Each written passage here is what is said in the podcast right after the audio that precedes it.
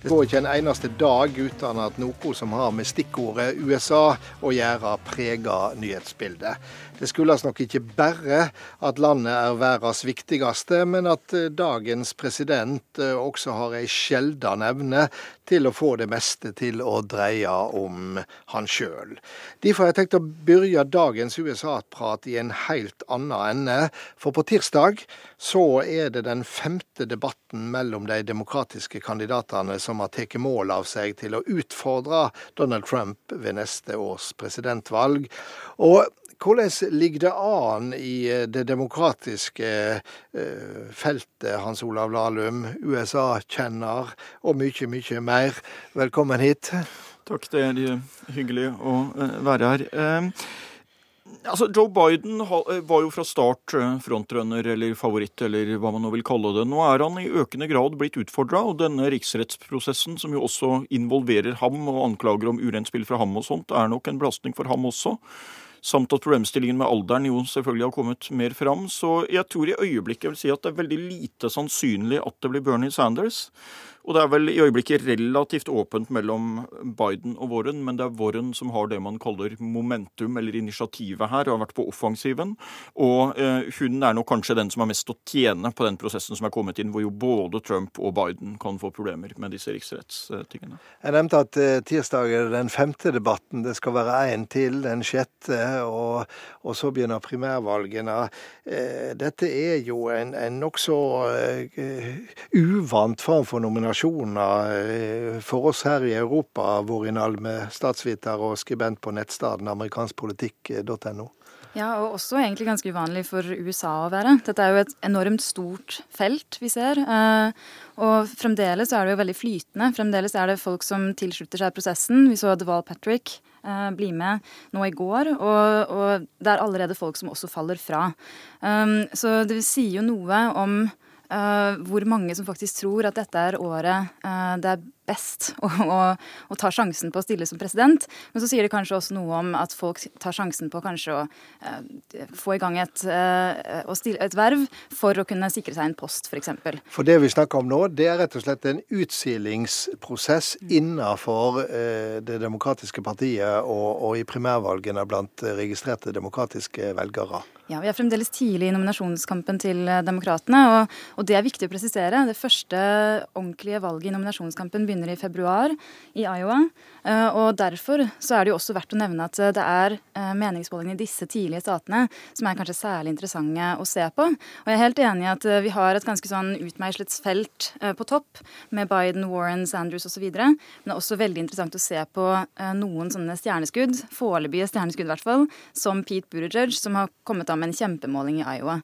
Og det er jo interessant å følge med på i forhold til neste debatt, hva, hva den uh, nyheten kommer til å gjøre med dynamikken mellom kandidatene kandidaten, om flere kommer til å gå etter ham f.eks. Si eh, noen ord om han, denne Major Pete. Han har jo, han har jo så innvikla eh, etternavn at selv amerikanerne eh, sier at kall han bare Major Pete, altså ja. ordfører Pete. Ja. Og han er jo 37 år gammel, altså borgermester fra South Bend, en liten by i Indiana. Delstaten som Mike Pence, visepresidenten, var guvernør i. Og han har gjort seg da bemerket innad i partiet lenge. Uh, men for andre så er han jo en ganske sånn eh, ukjent person med en ekstraordinær historie. Han er homofil. Han bestemte seg for å verve seg til militæret mens han satt som borgermester. Tjente i Afghanistan, kom tilbake igjen og kom ut av skapet. Skulle da ha gjenvalg. Tenkte at kanskje dette kommer til å felle meg, men vant gjenvalg da med 80% Som er uh, altså formidabelt i en men stat som Men er USA klar for en homofil president? Det gjenstår å se. Uh, Tror du det? Jeg vet rett og slett ikke. Uh, jeg, jeg, ville tro at det kan være vanskelig. Og, Hva sier du, Hans Olav Lahlum? Jeg tror også at det dessverre, får man si og understreke, eh, foreløpig er et handikap. Jeg tror at vi kan oppleve det i vår levetid, men jeg er veldig i tvil om man er klar for det nå. Men da skal vi også minne om at eh, det var ikke lang tid før Obama ble valgt at mange sa at det er fortsatt utenkelig med en farget president i eh, USA. Men han representerer jo noe annerledes, som du er inne på. Han er jo veldig ung i denne sammenheng. Og også dette med at han da har den derre lokalpolitikken på sett og vis som springbrett inn her. Og det er veldig uvanlig. Du har folk som har kommet type fra næringslivet og fra militære stillinger og sånt. Og du har folk som har sittet i typiske høye politiske posisjoner, altså senatet, guvernørposisjoner osv. Men den derre lokalpolitikeren som liksom vil bli president, det er ganske originalt her. Og han er et friskt pust, men jeg tror ikke at han har noen særlig sjanse. Selv om jeg tror da han og Camelot Harris er vel de to siste jeg vil merke av, i tillegg til de tre jeg nevnte, som er noen aktører av betydning. De andre har såpass liten oppslutning. Men det blir jo også litt sånn hvem skal ut her, da? Eh, hvem faller ut på hvilket tidspunkt, og hvor går da støttespillerne deres? Og det kan bli veldig viktig. Og Bidens beste kort i øyeblikket er at hvis både Sanders og Warren holder det kjørende, så og, og, og, fortsetter å kjøre gjennom nominasjonen, så vil jo de splitte opp stemmene fra venstresida, at han da kanskje kan samle sentrum-høyre-fløyen i partiet. Vi har akkurat snakka om en 37-årig eh, eh, ordfører. Men jeg hadde jo tenkt vi skulle snakke om alder, men da ikke i den nedre delen av skalaen. fordi at eh, det er jo spesielt når du har altså en president som går til gjenvalg, ønsker gjenvalg på 73 år. Eh, Sanders er 78, Biden og Bloomberg, som også har meldt seg på litt, eller kanskje, er 77, og Elisabeth Warren hun er rene ungdommen på bare 70. Altså, dette må det forklare eh, litt. Ja, altså, og det, det, ser man jo mye av også i amerikansk politikk. Det er jo påfallende det at du har en uh, nedre grense. sant? Altså, eksempel er uh, Alexandria Ocasio-Cortez for ung til å stille som president. Men du har ikke den øvre grensen. Uh, men så har du også bemerkelsesverdig mange gamle politikere som er veldig flinke og som holder seg veldig godt i USA. Og det er jo verdt å nevne Nancy Pelosi, som altså, jeg tror hun nærmer seg 80. Uh, og det i seg selv er jo et litt sånn greit, kanskje ikke alder betyr noe alltid, men det er selvfølgelig Nei, det er håp for oss alle.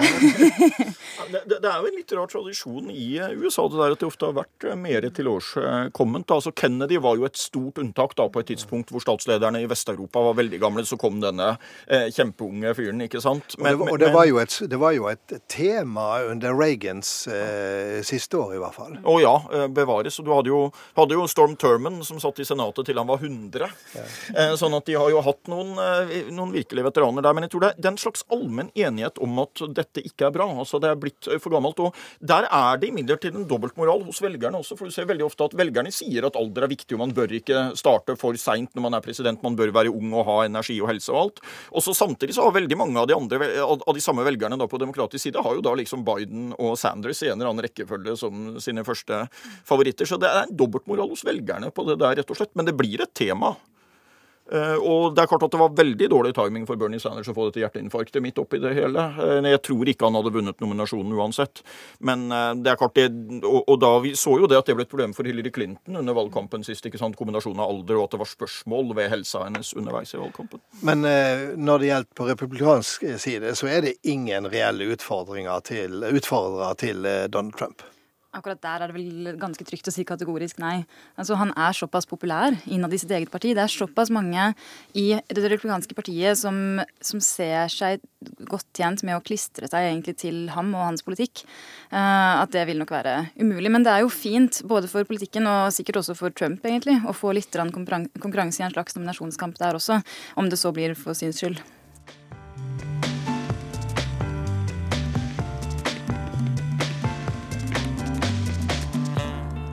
Først og fremst så har det jo vært en veldig polarisering. Og deler av den konservative høyresiden har jo spilt på de strengene hele tida. Så er det blitt en sterkere motsetning der enn det har vært. Og det ser man liksom til gamle dager så var det liksom 60-70-tallet så var det 40% demokrater, 40% republikanere og 20% svingvelgere. Nå er andelen svingvelgere kanskje under 5 et eller annet sted der. Og det er blitt veldig polarisert. Og det bærer jo hele den politiske situasjonen nå, inkludert eh, inkludert eh, riksrettssakproblematikken, bærer jo veldig preg av det. Og så eh, har du jo da selvfølgelig, særlig på den ene siden, fått en økt vekt eh, på, på, det med den eh, patriotismen. Men patriotisme i USA er jo veldig spesielt. Da. Det har jo veldig lange røtter. og eksepsjonalisme og alt, eh, og alt, dette her. Så, Men det spesielle er vel også at den eh, sittende presidenten går på FNs talerstol og sier at det er patriotisme som er framtida?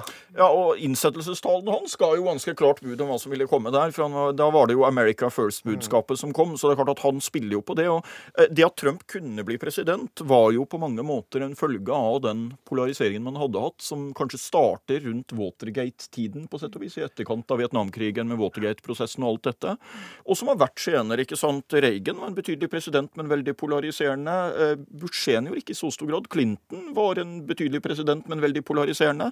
Eh, Bush junior var veldig polariserende. Obama var polariserende. Så det har vært en trend som har gått over veldig lang tid. Trenden har gått over lang tid, men selve språkbruken fra presidentkontoret, det ovale kontor, eh, er vel nokså uvanlig, det vi har sett ja. de siste tre åra.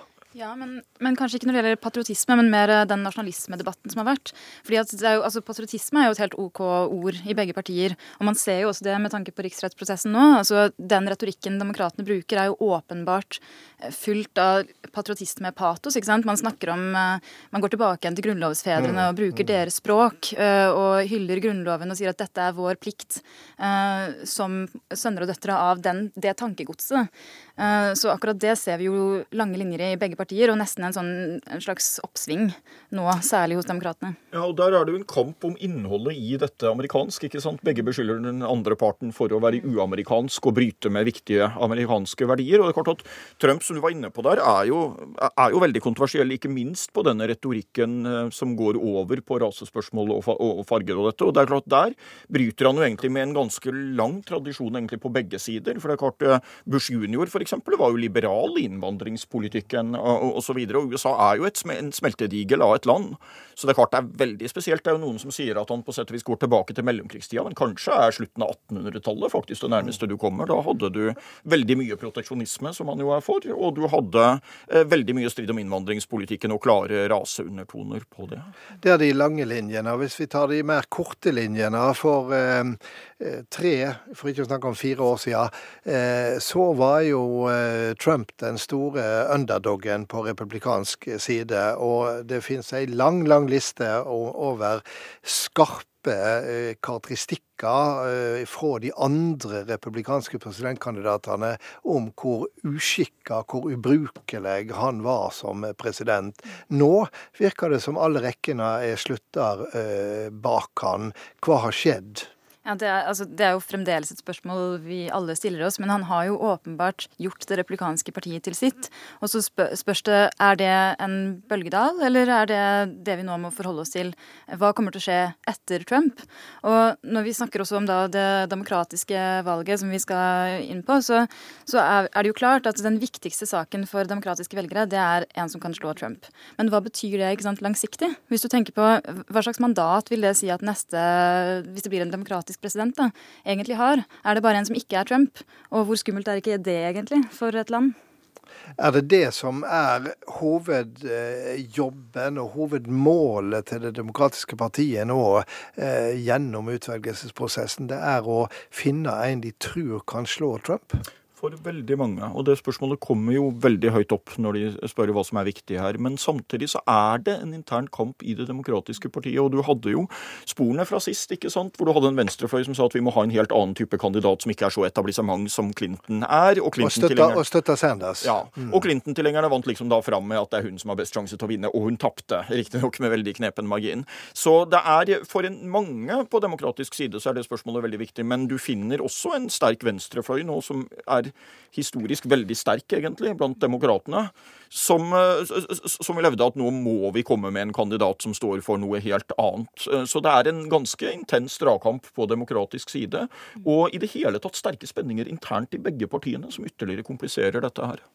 Eh, men forskjellen er vel at dragkampen innad i det republikanske partiet gir seg ikke utslag i flere kandidater, men, men det gjør det når en skal velge Nei, i det demokratiske. Hvis det nå skulle skje et eller annet som gjør at Trump nå blir revet bort som kandidat, så å si, så er det virkelig en integrat situasjon han vil være i. For da er det på sett og vis ingen tungvekterkandidater på banen. Eh, og det er jo også med den riksrettssakproblematikken som er kommet opp, så er det jo sikkert noen må ha tenkt eh, om det. Eh, jeg er jo frista til å si 'a penny for your thoughts, Mr. Pence' her oppi det hele. For jeg lurer jo veldig på hva visepresidenten her egentlig tenker om dette. Men det ser, det ser, rett og slett ikke ut som noen vil ha det nederlaget. Jeg tror at f.eks. Mitt Romney har helt sikkert vurdert det. Det er jo flere Kasich har vurdert det. altså Det er flere som har vurdert dette. Men de vil ikke tape mot Trump. Og det skal veldig mye til å velte en sittende president i en nominasjon. Så med mindre det skjer noe, noe veldig spesielt, så får vi ikke oppleve det. Ja. Så er det verdt å huske på også historien her. altså Tradisjonelt så gir amerikanske velgere en president to perioder. Det er veldig sjelden at det ikke skjer, og det er også veldig sjelden at ett parti får tre perioder. Eh, sist gang vi hadde en president som tapte etter å ha tre perioder, men én eh, periode selv, det var Bush senior som tapte for Bill Clinton. Men det var da etter Reagan, ikke sant. Um, så det er verdt å ha med seg det, og det er også verdt å huske på hvor kort tid siden det egentlig er at republikanske partier var i helt fritt fall, tilsynelatende i hvert fall. Altså Vi hadde 17 kandidater som representerte helt ulike politiske ståsteder og helt ulike retninger. Og da var det de to kandidatene som gjorde det best, Ted Cruz og Donald Trump, som var de som var minst ønsket av partieliten. Så, så plutselig kan ting endre seg, og plutselig kan partiet se enhetlig ut, og så kan det falle fra hverandre igjen. Eh, nå er det jo eh, høringene i Kongressen som dominerer nyhetsbildet. Eh, ingen tror for alvor at Donald Trump må gå av. Hvorfor er det likevel så viktig for demokratene å, å kjøre på denne prosessen? Altså, eh, det, vi har hørt fra Nancy Pelosi, som har eh, holdt foten på bremseklossen ganske lenge nå, det er jo at dette her er en moralsk plikt. Altså, eh, hun har jo ment at dette var Det å, å kjøre en riksrettsprosess var skadelig for landet, helt til man må. Og hun mener jo da åpenbart at dette her er riksrettsverdig. Og at hvis man skal være en republikk, som hun stadig sier, if we can keep it, så, så trengs en riksrettsprosess eller en riksrettsgransking i det hele tatt å være i gang. Så får vi se hvor langt det går, om, om huset stemmer for å ta ut tiltale, om det går videre til Senatet og hva som skjer der. Sannsynligheten er jo at det strander der, sånn som det gjorde med Bill Clinton. Ja, For det er jo et risikoprosjekt også? Ja, og det er jo et politisk eh, risikabelt prosjekt, og det er jo dypt politisk, egentlig. Eh, og det er jo også sannsynligvis derfor demokratene både har ventet lenge, men også ønsker en veldig rask prosess. Sånn at dette ikke skal komme for nærme selve hovedvalget. Vi går eh, mot slutten, men når det gjelder tirsdagens debatt, Hans Olav Lahlum, hvor stor betydning har den, altså debatten mellom de demokratiske kandidatene? Vanskelig å si. Det kommer litt an på hva som skjer der. Ja. Si, men vi ser jo at debattene har gjort utslag. Kamala Harris for eksempel, fikk jo et veldig stort oppsving da hun gjorde en veldig bra debatt. Og så stoppet det opp fordi hun ikke klarte å følge opp tilsvarende videre. Eh, og Det er litt, eh, det, det, det blir veldig spennende å se også hvordan riksrettsprosessen vil påvirke debatten rundt det, i hvor stor grad den blir et tema der osv. Men det utkrystalliserer seg jo et sjikt her med tre-fire kandidater som liksom er i fokus. Jeg tror ikke at noen av de nye som har uh, dukket opp nå, kan, uh, kan, påvirke nevneverdig på det. Så den er viktig for de oppe i toppen. Og så er det et sånn stort spørsmål hvem skal ut nå. Det er Noen har allerede trukket seg, og, og det er noen flere som ikke kommer til å holde det gående så veldig mye lenger. De er ganske stive, disse debattene, og regisserte. Ja, og det er jo noe av problemet med hele formatet.